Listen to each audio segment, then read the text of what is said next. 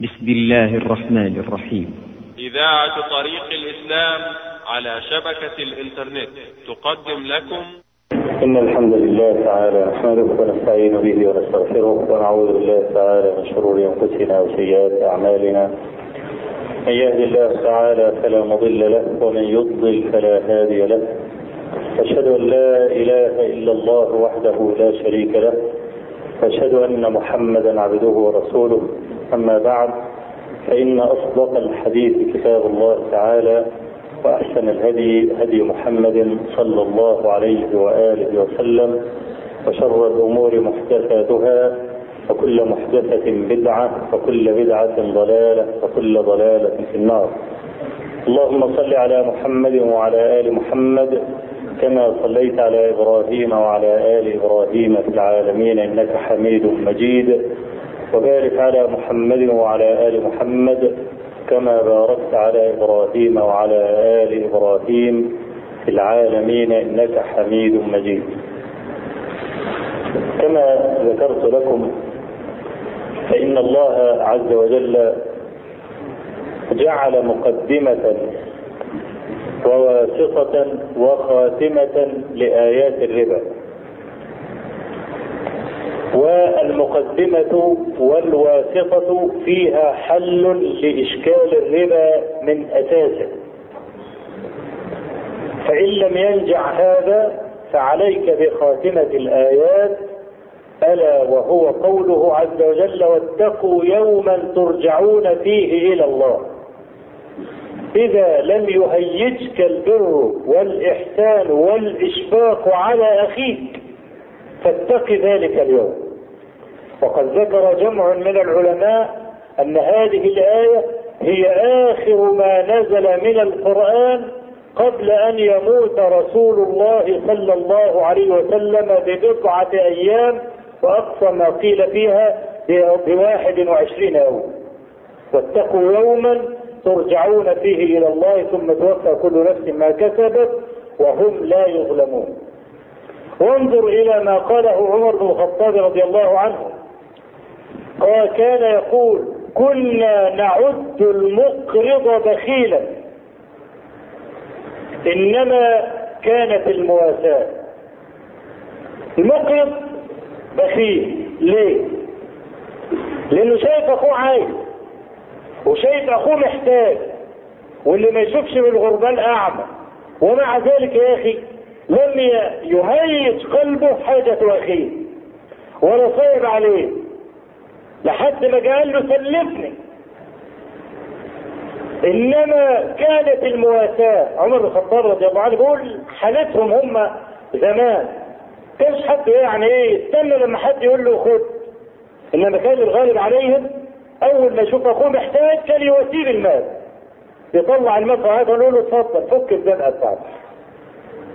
كنا نعد البخيل مقرض بخيلا إنما كانت المواساة. وابنه عبد الله بن عمر رضي الله عنهما يقول لقد جاء علينا يوم وما أحد أحق بديناره من أخيه. الفلوس فلوسك صحيح لكنها ملك أخوك لو عايز فقبل ما ربنا عز وجل يتكلم عن الربا الذين ينفقون أموالهم بالليل والنهار سرا وعلانية. فلهم أجرهم عند ربهم ولا خوف عليهم ولا هم يحزنون. ينفقون أموالهم بالليل أي في مقابل ثروه وعلانية في مقابل النهار. فلا جناح عليك أن تخرج مال الصدقة أو مال الزكاة جهرا إن كنت تعمل الرياء على نفسك. ولو فعلت ذلك كنت ممدوحا. لقوله عز وجل إن تبدوا الصدقات فنعم ما هي وإن تخفوها وتبتوها وراء فهو لكم. يبقى كلمة فهو خير لكم فهمنا منها أن المقطع الأول تتمة المعنى فهو خير له. يبقى المعنى كأنه كالآتي إن تبدوا الصدقات فنعما هي وهي خير لهم لمين؟ للفقراء. ليه؟ لأن أهل الإيمان بيتنافسوا في أعمال البر. فلما أنا أشوفك بتطلع المال للفقراء فأقول طيب هو أحسن مني في إيه؟ طب هو بيتقرب إلى الله وأنا أعمل إيه؟ فيهيجني هذا المنظر على أن أخرج أيضا من مالي للفقراء يبقى خير للفقراء ولا لا؟ يبقى خير للفقراء فإن خشيت الرياء على عملك فأدي الزكاة أو أدي الصدقات سرا فهو خير لكم تمام؟ يبقى ينفقون أموالهم بالليل والنهار سرا وعلانية فلما يكون الإنفاق ليل ونهار كيف تجد فقيرا؟ هو اللي بيأخذ بالربا ده. ما الذي دعاه إلى الأخذ بالربا؟ الحاجة. عشان كده ربنا سبحانه وتعالى قال في نصف آيات الربا إيه؟ إن الذين آمنوا وعملوا الصالحات وأقاموا الصلاة وآتوا الزكاة.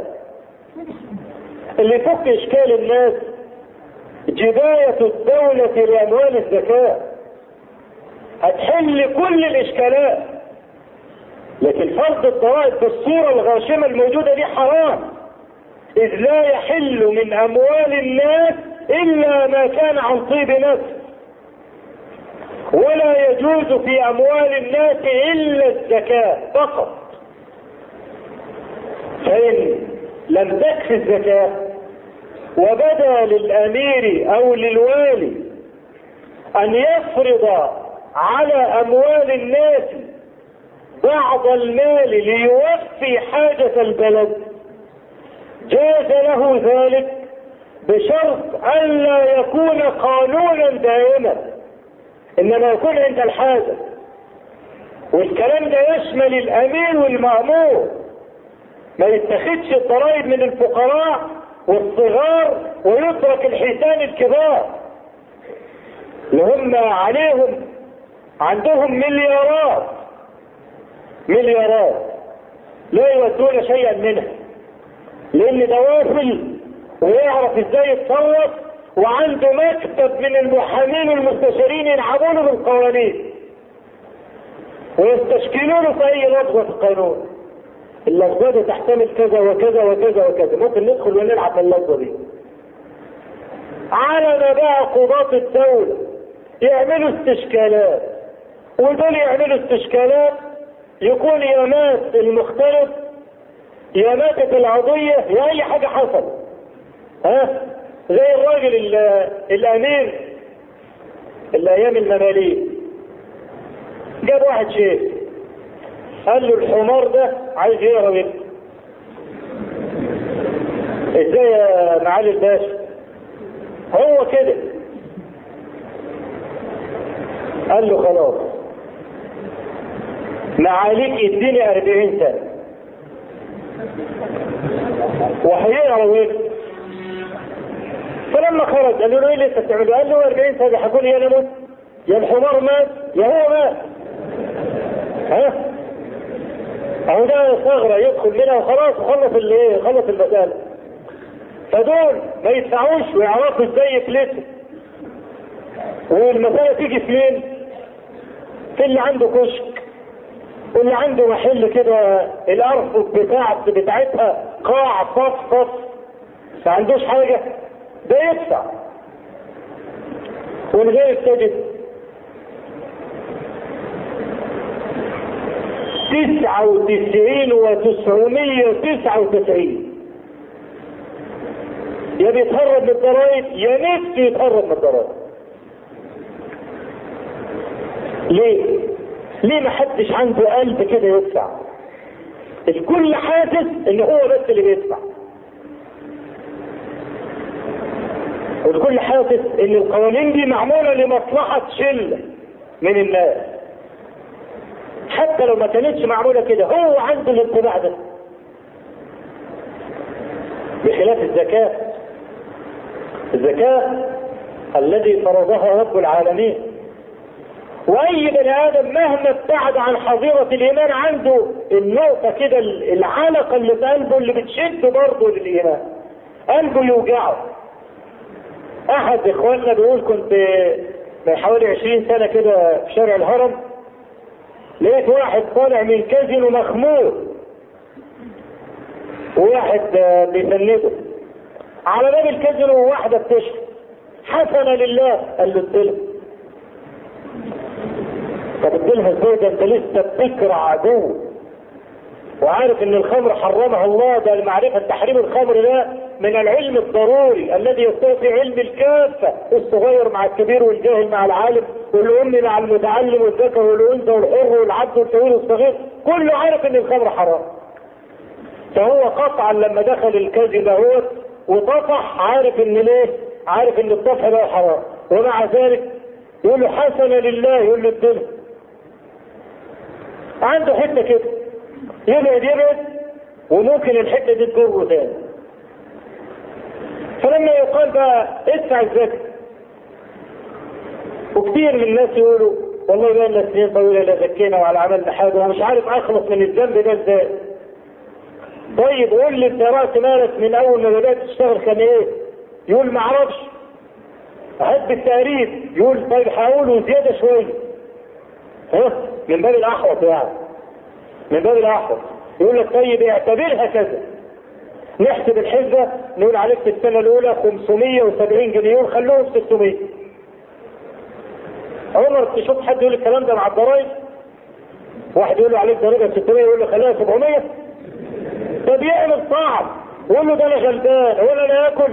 ويجيب شهادة فقر وشهادة شحاتة وشهادة بتاع عشان يطلع من الضرائب كمان. ولما يطلع ويقسم المسألة على شرايح يطلع منتشر مبسوط ويقول لك كانت الدرجة عليها 3000 خليتها 100 جنيه بس. مش ده اللي بيحصل؟ لا في الزكاة بقى العكس. يبقى ينبغي على الدولة أن تستثمر هذا العمل الإيماني في الغنى. ستمتلئ الخزائن عن بكرة أبيها لو جابوا الزكاة إلى الناس. والزكاة حق الله في المال يجب على ولاة الأمور وجوبا. أن يجبوا الزكاة من الناس ومن امتنع قاتلوه ولو قتلوه عشان ياخدوا الزكاة زي ما فعل ابن الصديق رضي الله عنه مع الجماعة اللي ما رضوش يأدوا الزكاة بعد وفاة النبي صلى الله عليه وسلم. إذا كان بقى إن الذين آمنوا وعملوا الصالحات وآتوا الزكاة قال لك العلة ده عشان الربا ده يطلع خالص ويمشي ادفع الزكاة. ومش هيدفع الزكاة إلا مؤمن. خايف يعذب يدي الله والله العظيم الورثة ما يستاهلوا مليم إذا كنت هتدخل جهنم. أو ستقف بين يدي الله عز وجل عشان تحاسب عن كل مليم يتهنى بيه ابنك ولا أخوك ولا ابن عمك ولا الكلام ده؟ ليه؟ أنا أولى بمالي. أنا اللي جمعته وأنا اللي تعبت عليه. يبقى لما تدفع الزكاة وتعمل لنفسك برنامج صدقات وإن كان قليلا. كل حاجة تحطها هنا تقوم راح تحسابك على طول. ما تروحش حساب واحد تاني. إنما المال اللي بتسيبه بيدخل في حساب ورق وبيطلع من حسابك. قال صلى الله عليه وسلم أيكم ماله أحب إليه من مال وارثه أو مال وارثه؟ قالوا بل ماله يا رسول الله. قال فإن مالك ما قدمت ومال وارثك ما اخرت يبقى أنت المفروض تبقى راجل عاقل. تعبت وشقيت والكلام ده؟ ده اللي يستحق الميراث في الدنيا منك إذا مت ما بترضاش تديهم من المال وتقول له شاعي شاع شقاء وتعب. شقاء وتعب تقول لك إزاي؟ وما يرضاش يديله واحد مثلا عنده خلفه كلها بنات. يبقى الميراث ده هيروح لناس تانيين. واحد ما عندوش خالص. يبقى الميراث رايح لناس تانيين طب الناس التانيين دول اللي هم انت حارمهم من الميراث في الدنيا ومش راضي تديلهم سيقول إليهم الميراث غصبا عنك ورغما عنك. يبقى كأنك أنت كنت شغال مرمطون لحساب. ودي النهاية. يبقى التفكير بقى بالزكاه الأول خالص قبل ما ندخل في الربا التفكير بالإنفاق بالليل والنهار سرا وعلانية كان بتبعتر الفلوس. فأول ما تبعتر الفلوس المراد مش هيعرف يشتغل. يشتغل ليه؟ المجتمع كله مكسي وبياكل وبيشرب ومعاه فلوس. بسبب التراحم الموجود بينهم ما زي ما عمل عثمان بن عفان في بئر روما كما ورد في بعض الروايات. لما لقى واحد يهودي عنده بير ومتحكم في المدينة كلها ويوم الجردل المية يبقى بكذا ويعلق كذا والناس لا غنى لها عن الماء. لا غنى لأحد عن الماء. والنهارده اللي بتعمله إسرائيل. المعاهدات الموجودة مع الحبشة والمعاهدات الموجودة مع تركيا عشان يموتوا بلاد المسلمين. ليه؟ لأن مية النيل جاية لنا من إثيوبيا بالحبشة فعاملين هناك سد وهيعملوا بحيرات وقنوات فرعية علشان يطيروا فيها المية ويحرمونا إحنا من المية. من نصيبنا. يوم يطلعوا يقول لك إيه؟ ما يقدروش يعملوها لأن القوانين الدولية بتقول الأنصبة المياه لمصر كذا وللسودان كذا وللحبشة كذا. دولية. ولية إيه؟ آه ده بيعملوا كل حاجة عيني عينك. ده ما بيهمهمش حد. ده محمد البرادعي ومدير الطاقة الدولية لما راح إسرائيل امبارح. وإسرائيل طبعا رافضة إنها توقع على قرار منع أو حظر انتشار الأسلحة النووية. إنما منطقة الشر الأوسط كلها وقعت كله. والمفاعلات النووية عندها للأغراض السلمية من توليد الكهرباء وغيره. إنما انتاج رؤوس نووية ممنوع. واجبروا على التوقيع. إسرائيل قالت لا. مفاعل ديمونة فيه 300 رأس ذرية. بتتركب على مقدمات الصواريخ البالستية اللي وصلت من كام سنة لموريتانيا. موريتانيا دي دولة مسلمة وتبع الجامعة العربية لكنها فقيرة واقعة في الأرض. خلاص؟ الأموال بتاع الدول الغنية بتتبعتر في إنجلترا وفرنسا والكلام ده وسايبين موريتانيا واقعة والاقتصاد واقع إسرائيل استغلت الفرصة وراحت للراجل بتاع موريتانيا. إحنا ممكن نطلعك من العثرة الاقتصادية بتاعتك دي ونخليك تنغنغ بس إحنا عايزين حاجة واحدة بس. عايزين نجرب صاروخ من عندنا ينزل في الصحراء بتاعتك. تجربة وخد لك مليار دولار. أسمع نشك وتبقى كويس؟ قال لهم ماشي. أنتوا عارفين إسرائيل فين؟ طبعا. ولا ما تعرفوش هي فين؟ آه. طب عارفين موريتانيا فين؟ موريتانيا هناك جنب المغرب. يعني اللي ينط منها على البحر على طول. يبقى من عند اسرائيل عدى على السعودية وعدى على سينا وعلى مصر وليبيا وتونس والجزائر والمغرب. وقاموا بعدين الصاروخ من هناك وعد ونزل على المكان اللي هم علموا عليه عشان يشوفوا دقة التصوير. فيبقى لما يكون عنده صاروخ يوصل لموريتانيا وممكن يحمله برؤوس نووية ويرمي على كل بلد كام صاروخ. شوخ يا شوخ نعم يا صاروخ. فاكرين اللعبة بتاع الأرياف دي؟ ها؟ شوف يا شوخ نعم يا صاروخ هم بيعملوها دلوقتي تمام؟ 300 رأس نووية عندهم في انفاع الديمونة إيه اللي عمله الدكتور محمد البرادعي؟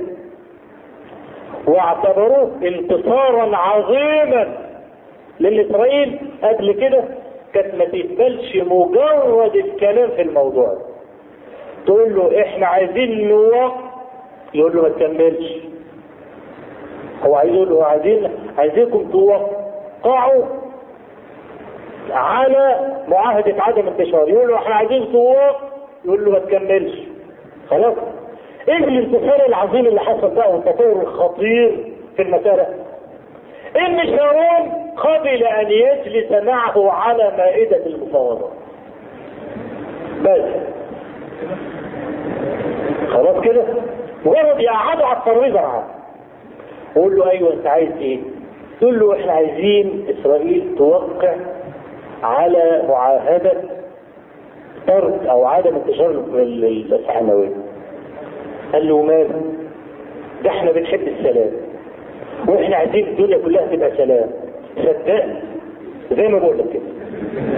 خلاص؟ بسمع امبارح في البي بي سي قال لك الدكتور البرادعي يشيد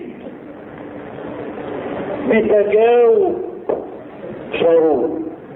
إيه اللي حصل؟ إيه اللي عمل شارون يعني؟ مش عمالين يذبحوا في إخواننا المسلمين هناك وكل يوم يقول لك السلام وخريطة الطريق. ها؟ يذبح ويقول لك خريطه الطريق والسلام. بس نقضي على الارهابيين الأول الارهابيين اللي هم مين؟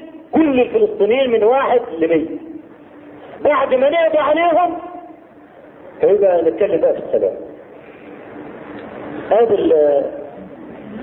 النهارده لما يكون بلد زي دي ممكن تبيد منطقة الشرق الأوسط كلها ب 300 واحد سنوية اللي عندها. يبقى إحنا مش هنقدر نغلب الجماعة دول إلا إذا نظفنا نفسنا من جوه. يبقى الزكاة مش هتترك فرصة للمرابين على الإطلاق.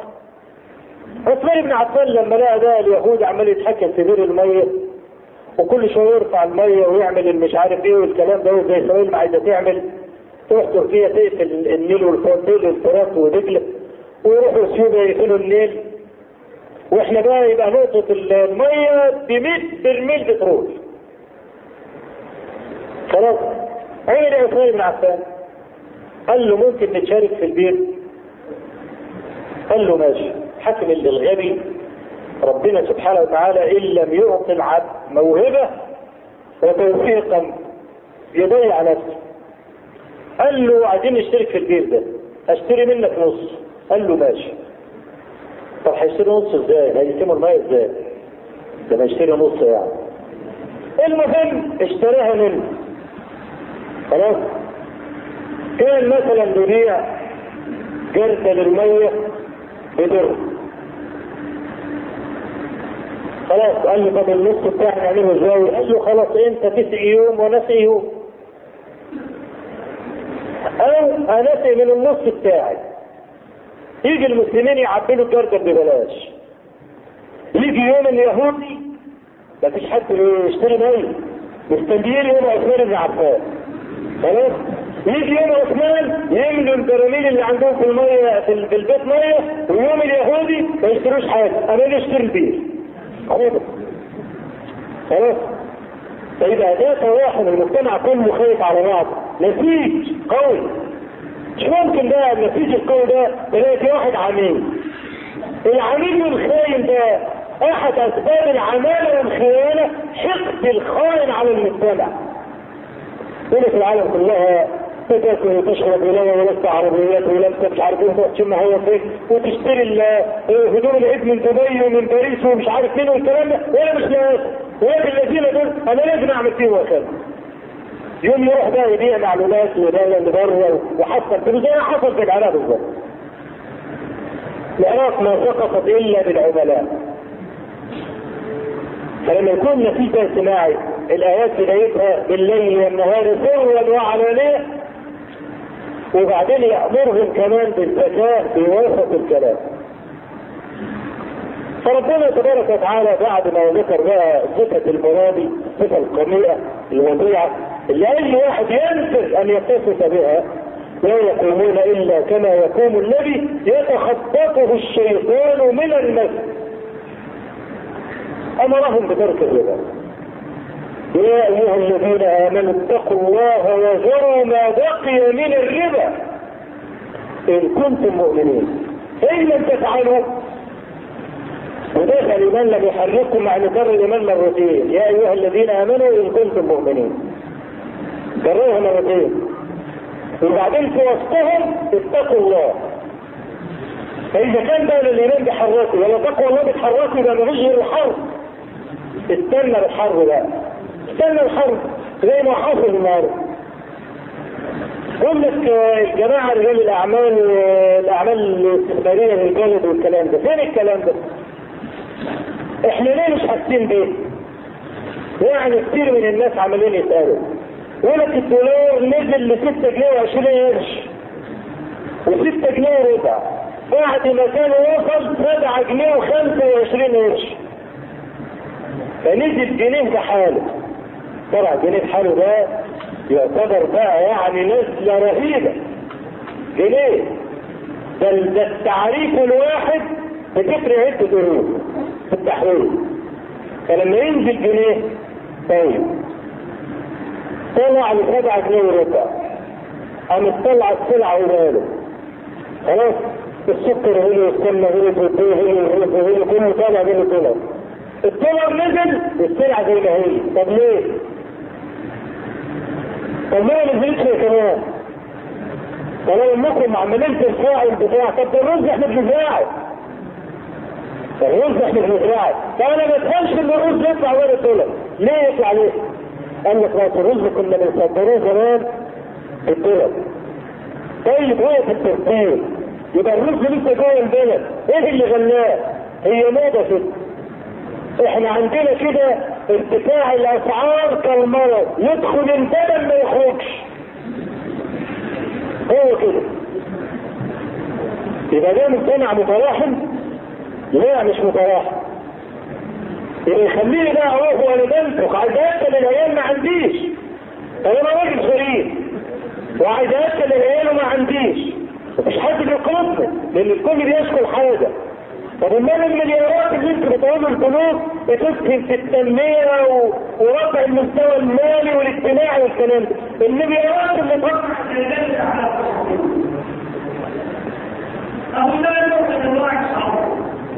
إن لم تفعلوا فاعتنوا بحرب أحد ألوان الحرب ظهور النصوص. هي البنوك دي بتخترع الفلوس ولا الفلوس دي أموال ناس؟ أموال ناس يجي واحد ياخد مثلا 3 4 مليار. ما عليهوش ضمانات حقيقية. بدليل ان السلم هربانين بره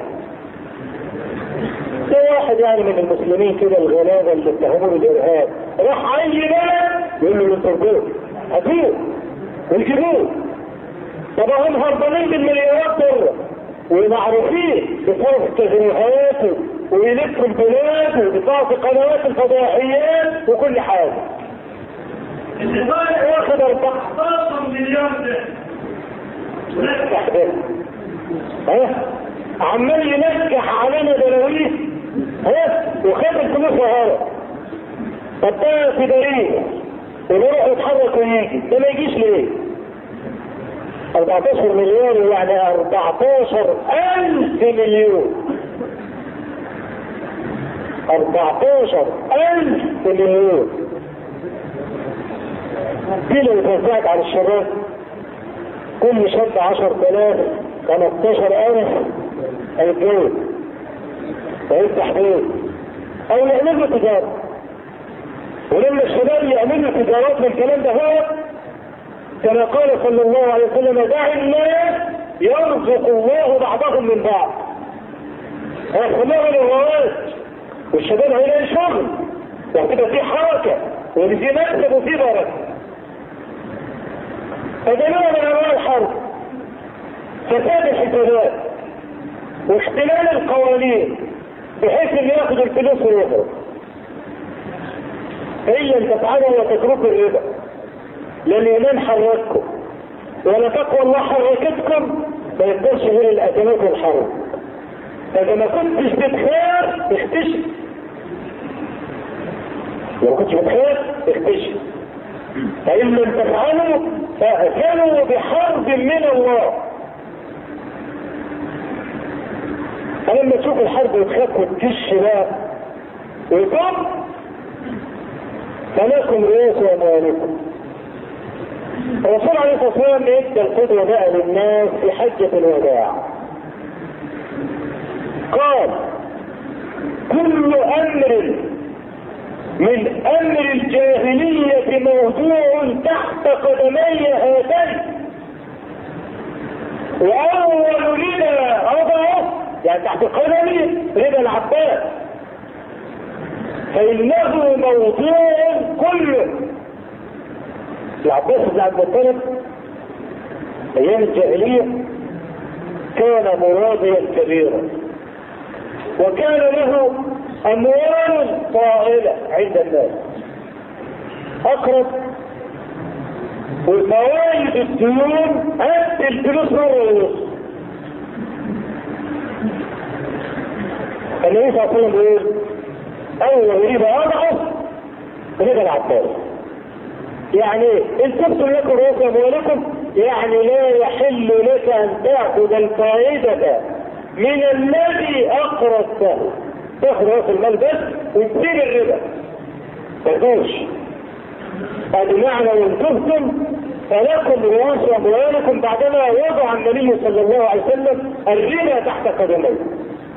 وبدأ في آل بيته حتى يكون قدوة للناس جميعا. فإن كنتم فلكم رؤوس أموالكم لا تظلمون ولا تظلمون. وإن كان ذو عسرة طب أنا أقرضت وقلت له المية بمية وعشرة. نزل في الأول ما تاخدش. طب اديني المية. قال لك ما معيش دلوقتي. ده أنا كنت مقترض منك عشان ما معيش عايز أفرط حياتي. خدت الفلوس منك فوضتها فانا معايا تديك فلوسك ولا الربا كمان اللي أنت عايزه. علشان سلسلة التراحم تتم قال عز وجل وإن كان ذو عسرة. لما جيت تاخد بالك منه كان ناقص فناظرات إلى ميسرة. يعني سيبوا لحد ما يفك نفسه. وأن تصدقوا خير لكم ولو سبت له الفلوس خالص. وسبت له طبعا الربا طبعا لنواة الناس جبت هتسيب طبعا الزيادة فهو خير لك شوف الكلام شوف التواحد مجتمع زي ده. اتغلب ليه؟ إيه اللي يغلبه؟ القاعدة قوية. عشان كده يقول لك البلد اللي عايزة تحارب لازم كل اقتصاد حرب. اقتصاد حرب يعني إيه؟ يعني إذا وقع البلد في هزيمة محققة اقتصادها ما يتهزش. لقمة العيش تبقى زي ما هي. يوم يخزن بقى ملايين الاصنام ويعمل له رصيد في البلاد المجاورة ويعمل رصيد في البلاد بتاعته في أماكن غير معلومة بحيث لو وقع في الهزيمة الناس ما تموتش. يبقى ده بنيان اجتماعي. أمر بالإنفاق الكامل ليل ونهار أمر بإخراج الزكاة أمر بتقوى الله وأخذ رأس المال وترك الزيادة أمر بال... بال... بانظار المؤثر بل بترك المال عنه كلام عشان كده ربنا تبارك وتعالى جعل هذه الآيات تتخلى الآيات الأولى. القرآن كله بيخدم بعض. لما تاخد الكلام ده كله تطبقوا على قوله تعالى يا أيها الذين آمنوا لا تأكلوا الربا أضعافا مضاعفة. كلمة أضعافا مضاعفة دي بتختم السياق اللي هو الصوت ده.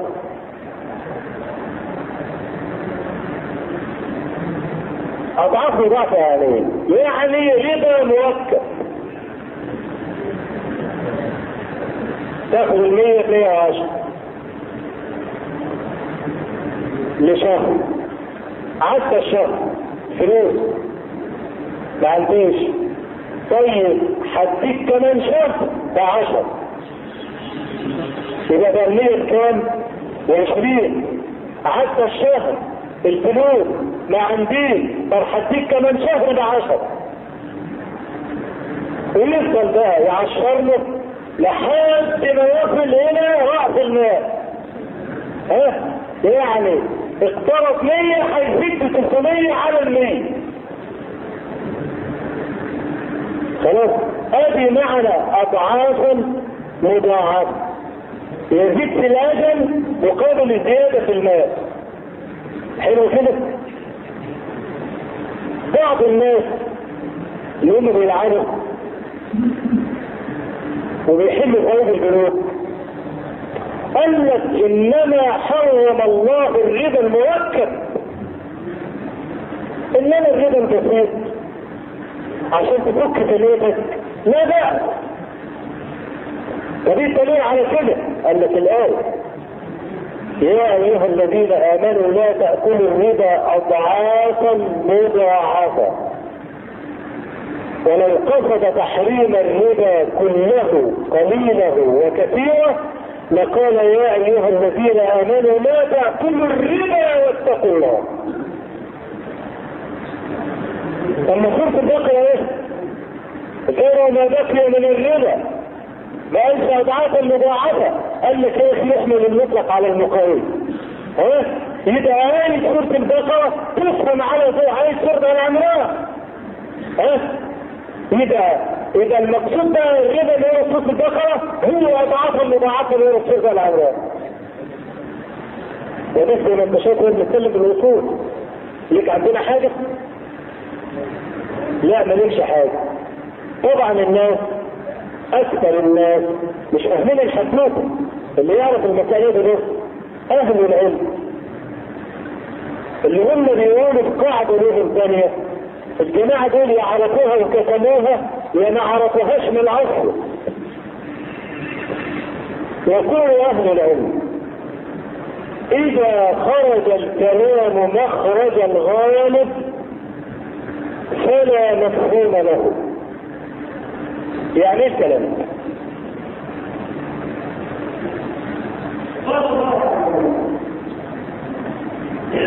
الذين آمنوا. إن جاءكم فاسق بنبأ فتبينوا. يبقى منطوق الكلام أو المعنى الذي سيق الكلام من أجله في الفاسق ولا في المؤمن تصححوا معايا عشان افهمكم القاعده دي. الآية نزلت بشأن الفاسق خبر الفاسق ولا خبر المؤمن خبر الفاسق يبقى ده اسمه المنطوق. منطوق الكلام إنما سيق لأجل التثبت من خبر الفاسق. حلو كده؟ طيب. طب إن جاءني مؤمن بنبأ.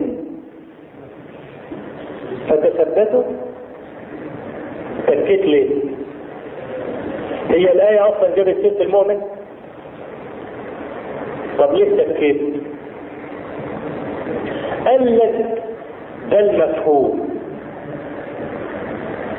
يبقى الكلام له منطوق ومفهوم. المنطوق ما وضع الكلام لأجله والمفهوم ما جاء عكس المنطوق. أنا فهمته كده. زي لما أقول لك مثلا إذا جاءك ضيف فأكرمه أطعمه واسقه خلاص؟ قمت انت بقى اكلت وشربت وضربت عليه خالفت النص ولا ما خالفتوش ها؟ خالفته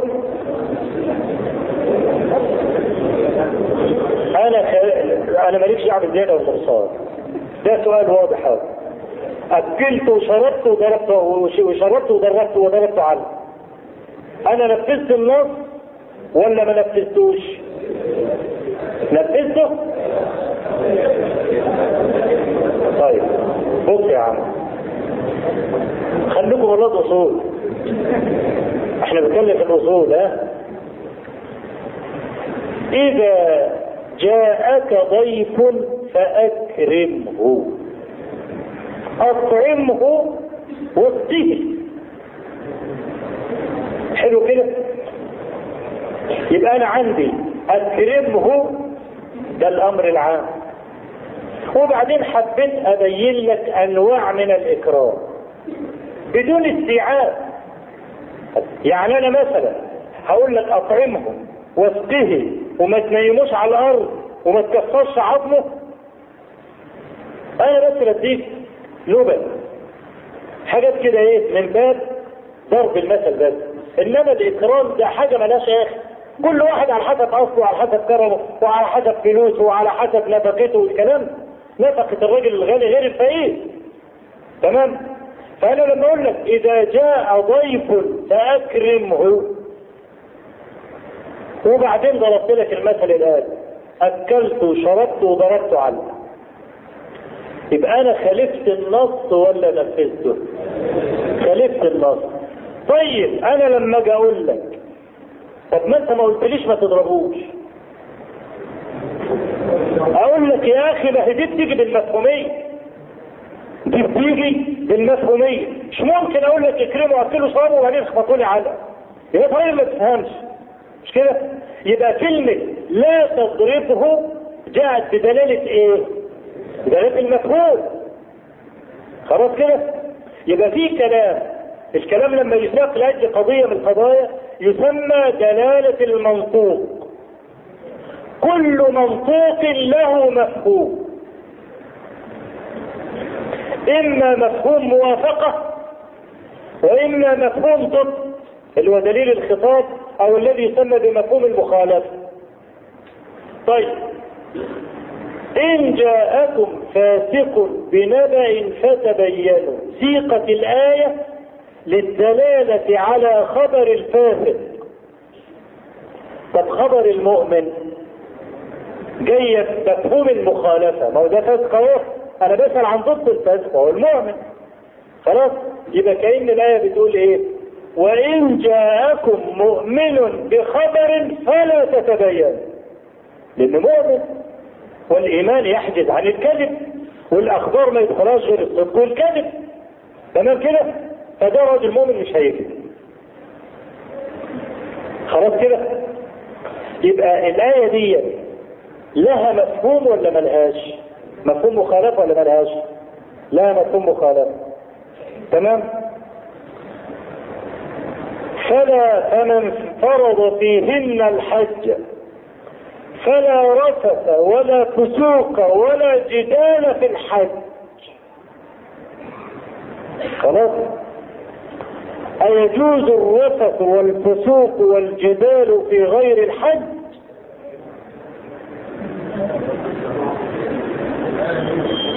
طيب نفهم الآية ما هو الرفث كلام الرجل مع المرأة أو المرأة مع الرجل فيما يختص بالعلاقة الشخصية بينه. تمام؟ هذا يجوز في الحج وفي غير الحج، أليس كذلك؟ أنتم مبلمين ليه؟ أنتوا مش متجوزين؟ ها؟ ولا واخدين علقة؟ أيجوز أن يتكلم الرجل مع امرأته في غير الحج فيما يتعلق بالعلاقة الشخصية ولا لا يجوز؟ مالكم دخلتوا صوتكم كده ها؟ يبقى فلا رفث ولا فسوق ولا جدال في الحج. يبقى الرفث يجوز في غير الحج. والفسوق لا يجوز في الحج ولا في غير الحج. والجدال يجوز في الحج بشرط أن يكون الجدال بقصد بيان الحق. عشان كده الحج كان منتديات علمية يلتقي فيها علماء الدنيا كلها. عشان يفكوا المسائل الخلافية اللي بينهم. وأي حد عنده مشكلة علمية مش عارف يحلها يلتقي باهل العلم ويتبادلوا النقاش فيها. والنقاش والوصول للحق مش مش هيجي إلا بالجدل. يجيب دليل وأنا أقول له لا الدليل ده على اعتراضات فلاني يقول لي اعتراضك ده معترض بدي أقول له عندك حق دي. فما وصلنا للحق إلا بالإيه؟ إلا بالجدال. يبقى المسألة دي مفهومها في تفصيل ولا لا؟ يبقى مفهومها في تفصيل. خلاص؟ طيب. ولا تكرهوا فتياتكم على البغاء إن أردنا تحصنا. كان الراجل اذا فلس يبعت الايه الامه بتاعته. اذهبي إلى فلان اشتغلي معاه شغلتين وادينا قرشين تروح تزني معاه وبتاع الكلام ده وتجيب لسيدها القرشين دول. فكان في بعض الإمام ما بيحبش كده. فيقوم يكرهها على انها تروح تزني وتجيب له اجر الزنا. فالله عز وجل قال ولا تكرهوا فتياتكم على البغاء إن أردنا تحصنا. طيب افترض أنها لم ترد تحصنا ولها مزاج للعملية دي. تكرهها على البغاء طب يبقى الآية دي لها مفهوم ولا ملهاش؟ ملهاش. مفهومها هدر. يبقى الآية دي ملهاش مفهوم. مفهوم مخالف يعني. مفهوم المخالفة ملهاش. خلاص؟ لأنها لو رغبت في البغاء لا يجوز إكراهها تمام كده؟ الآية بتاع الحج فيها تفصيل. الآية بتاع الحجرات لها مفهوم. إذا الكلام فيه تفصيل ما هوش كده. تمام كده؟ طب إيه اللي خلانا نقول إن ولا تكرهوا فتياتكم على البغاء ان اردنا تحصنا إن ملهاش مفهوم. قال لك لأن الله حرم الزنا كله. فلا يجوز باختيار ولا بغير اختيار. عشان كده لو تراضى اثنان على الزنا لا يكون حلالا. ها؟ اصل يقول لك إيه؟ طالما بالتراضي. ما مش ده اللي حاصل رجل ضرب امرأته بتزني يروح يرفع عليها قضية. القانون الفرنسي بيقول إذا كانت راضية خلاص. وفي بيوت الدعارة في بيوت للدعارة حسنة السمعة. صدقوا زي ما بقول لكم كده. وبيوت سيئة السمعة. البيوت حسنة السمعة اللي بتدي الأجرة وما بتاكلش الفلوس على الزانية. إنما لو كانت الفلوس عليها يبقوا ناس ضلالية بياكلوا فلوس الناس. ها؟ عادل زي أمريكا كده. اعمل كل حاجة إلا الكذب. إلا الكذب. عشان كده كلينتون لما فجر مع الولية بتاعتها مونيكا دي لما راح هناك بيحلفوه. بيحلفوه. رامسفيلد الوغد وزير الدفاع الأمريكي لما حصلت مشكلة سجن أبو غريب وقفوه في الكونجرس حلفوه قال لهم ده اللي حصل لا يوسف ده اللي ظهر للناس ولا حاجة من اللي أنا شفته. كان ممكن يخبي. لانها فضيحة بالنسبة له لكن ما يقدرش يكذب. خلاص؟ يعمل كل حاجة في الدنيا. يزني ويقتل ويشرب خمر كل حاجة إلا انه يكذب انه يسمع كده ويحلف بالقانون. خلاص فده ما ي... فلو تراضوا على الزنا يمشي. لو الراجل قال لك مغتصب واغتصبت مش عارف الكلام ده يبقى فيه الكلام. قال لك ما حرمه الله عز وجل لا يحل التراضي عليه مطلقا. لا قليل ولا كثير. تمام؟ يبقى اذا الآية دي مفهومها هدر ليه؟ لأنها خرجت مخرج الغالب. أي مخرج غالب ما كان يفعله أهل الجاهلية. العرف الغالب عليهم آنذاك. إنهم كانوا يودوا اللامة علشان تستبضع وتجيب قرشين فإذا خرج الكلام تنبيها على غالب ما كانوا يفعلون في الجاهلية. وثبت حرمة هذا عندنا بالنص فالمفهوم لاغ ما تقدرش تجيب له مفهوم لأن المفهوم في الحالة دي هيبقى ضد النص على طول. عشان كده يا أيها الذين آمنوا لا تأكلوا الربا أضعافا مضاعفة قال لك غالب فعلهم. آنذاك كان تضعيف الربا. فخرج الكلام مخرج الغالب على ما كانوا يفعلون من تضعيف الربا. وإلا فلم يقصد بالكلام الكلام على الربا البسيط ولا المركب أصلا. لأن الربا قليله وكثيره حرام. يبقى أضعافا مضاعفة لا مفهوم لها. لأنه قال لك لا تأكل الربا أضعافا مضاعفة يبقى يجوز ضعفا واحدا. لأنه نهى عن الأضعاف المضاعفة يقول له لا ولا ضعف حتى ليه؟ لأن الكلام خرج مخرج الغالب. وإذا خرج الك- دي القاعدة. وإذا خرج الكلام مخرج الغالب فلا مفهوم له. يعني قال صلى الله عليه وسلم أيما امرأة باتت هاجرة فراش زوجها لعنتها الملائكة حتى تصبح. باتت. يبقى الكلام ده المقصود بيه إيه؟ الليل ولا النهار؟ الليل. طيب افترض أن الرجل دعا امرأته إلى فراشه بالنهار. تلعنها الملائكة ولا لا تلعنها ليه؟ الحديث بيقول باتت انت إيه دخلت في النهار؟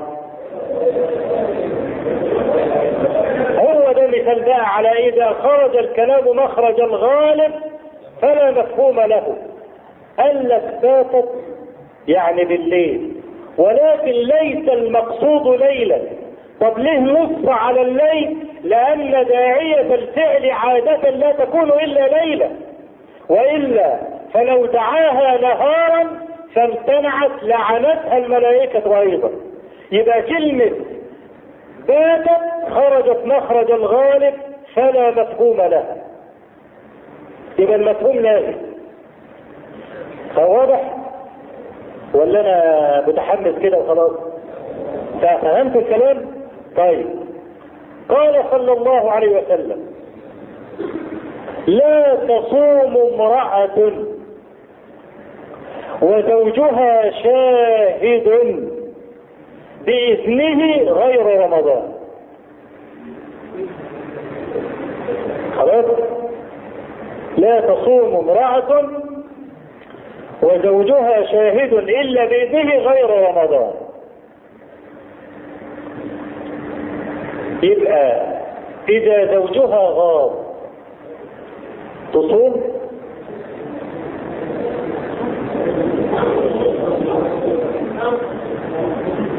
ها تصوم. تمام. يبقى دي لها مفهوم ولا ملهاش؟ طيب. قال لها زوجها وهو يسافر لا تصومي وأنا غائب. تصوم؟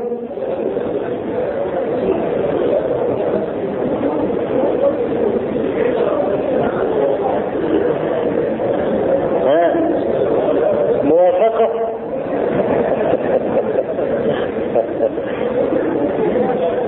طبعا لا تصوم. طب ليه؟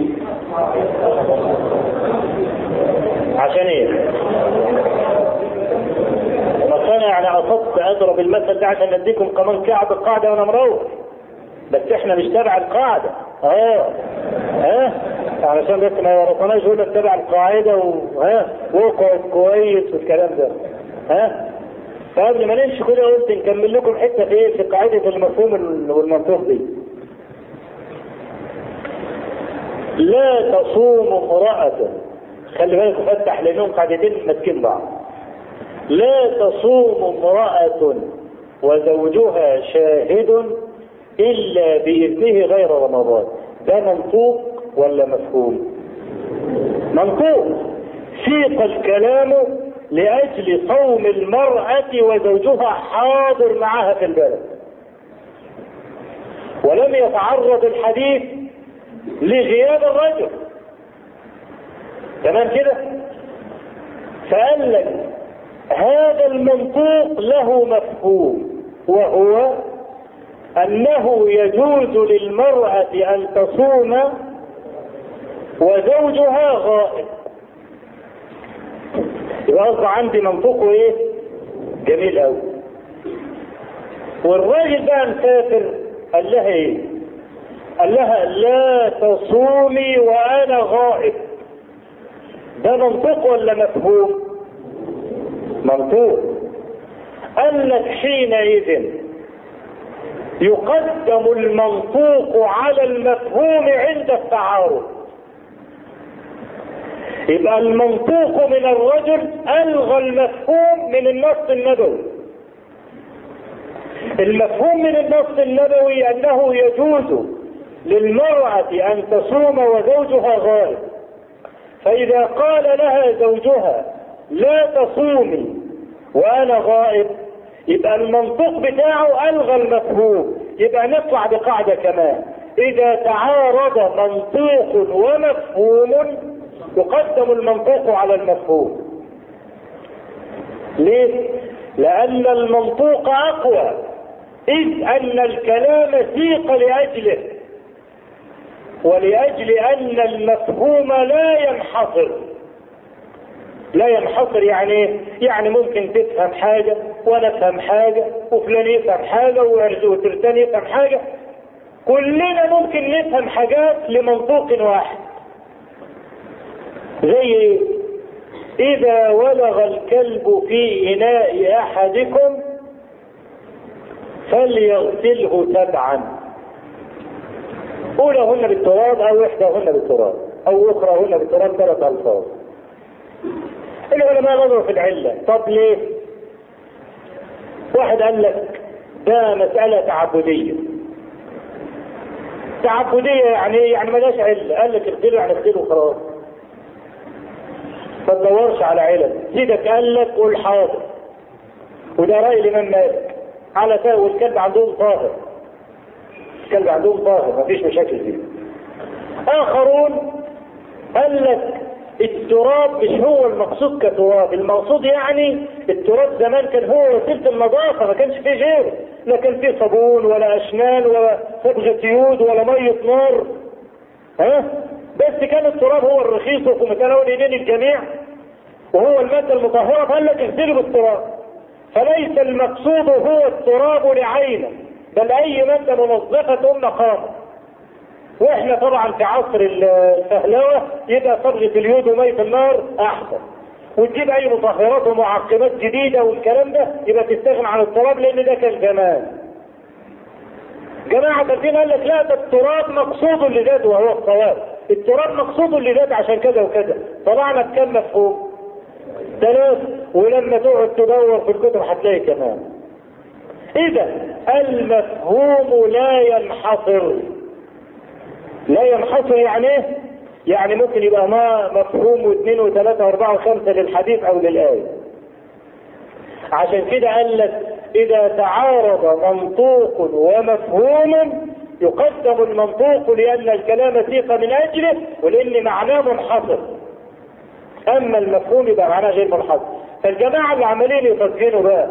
ويقول لك لا تاكلوا الربا اضعافا مضاعفة المقصود الربا المركب لكن لو لو رابيت ربا بسيطا حاجة كده عشان تفك زنقه أخوك وتاخد برضه حاجة كده قرشين جنبها فهذا جائز بنقول لهم كده.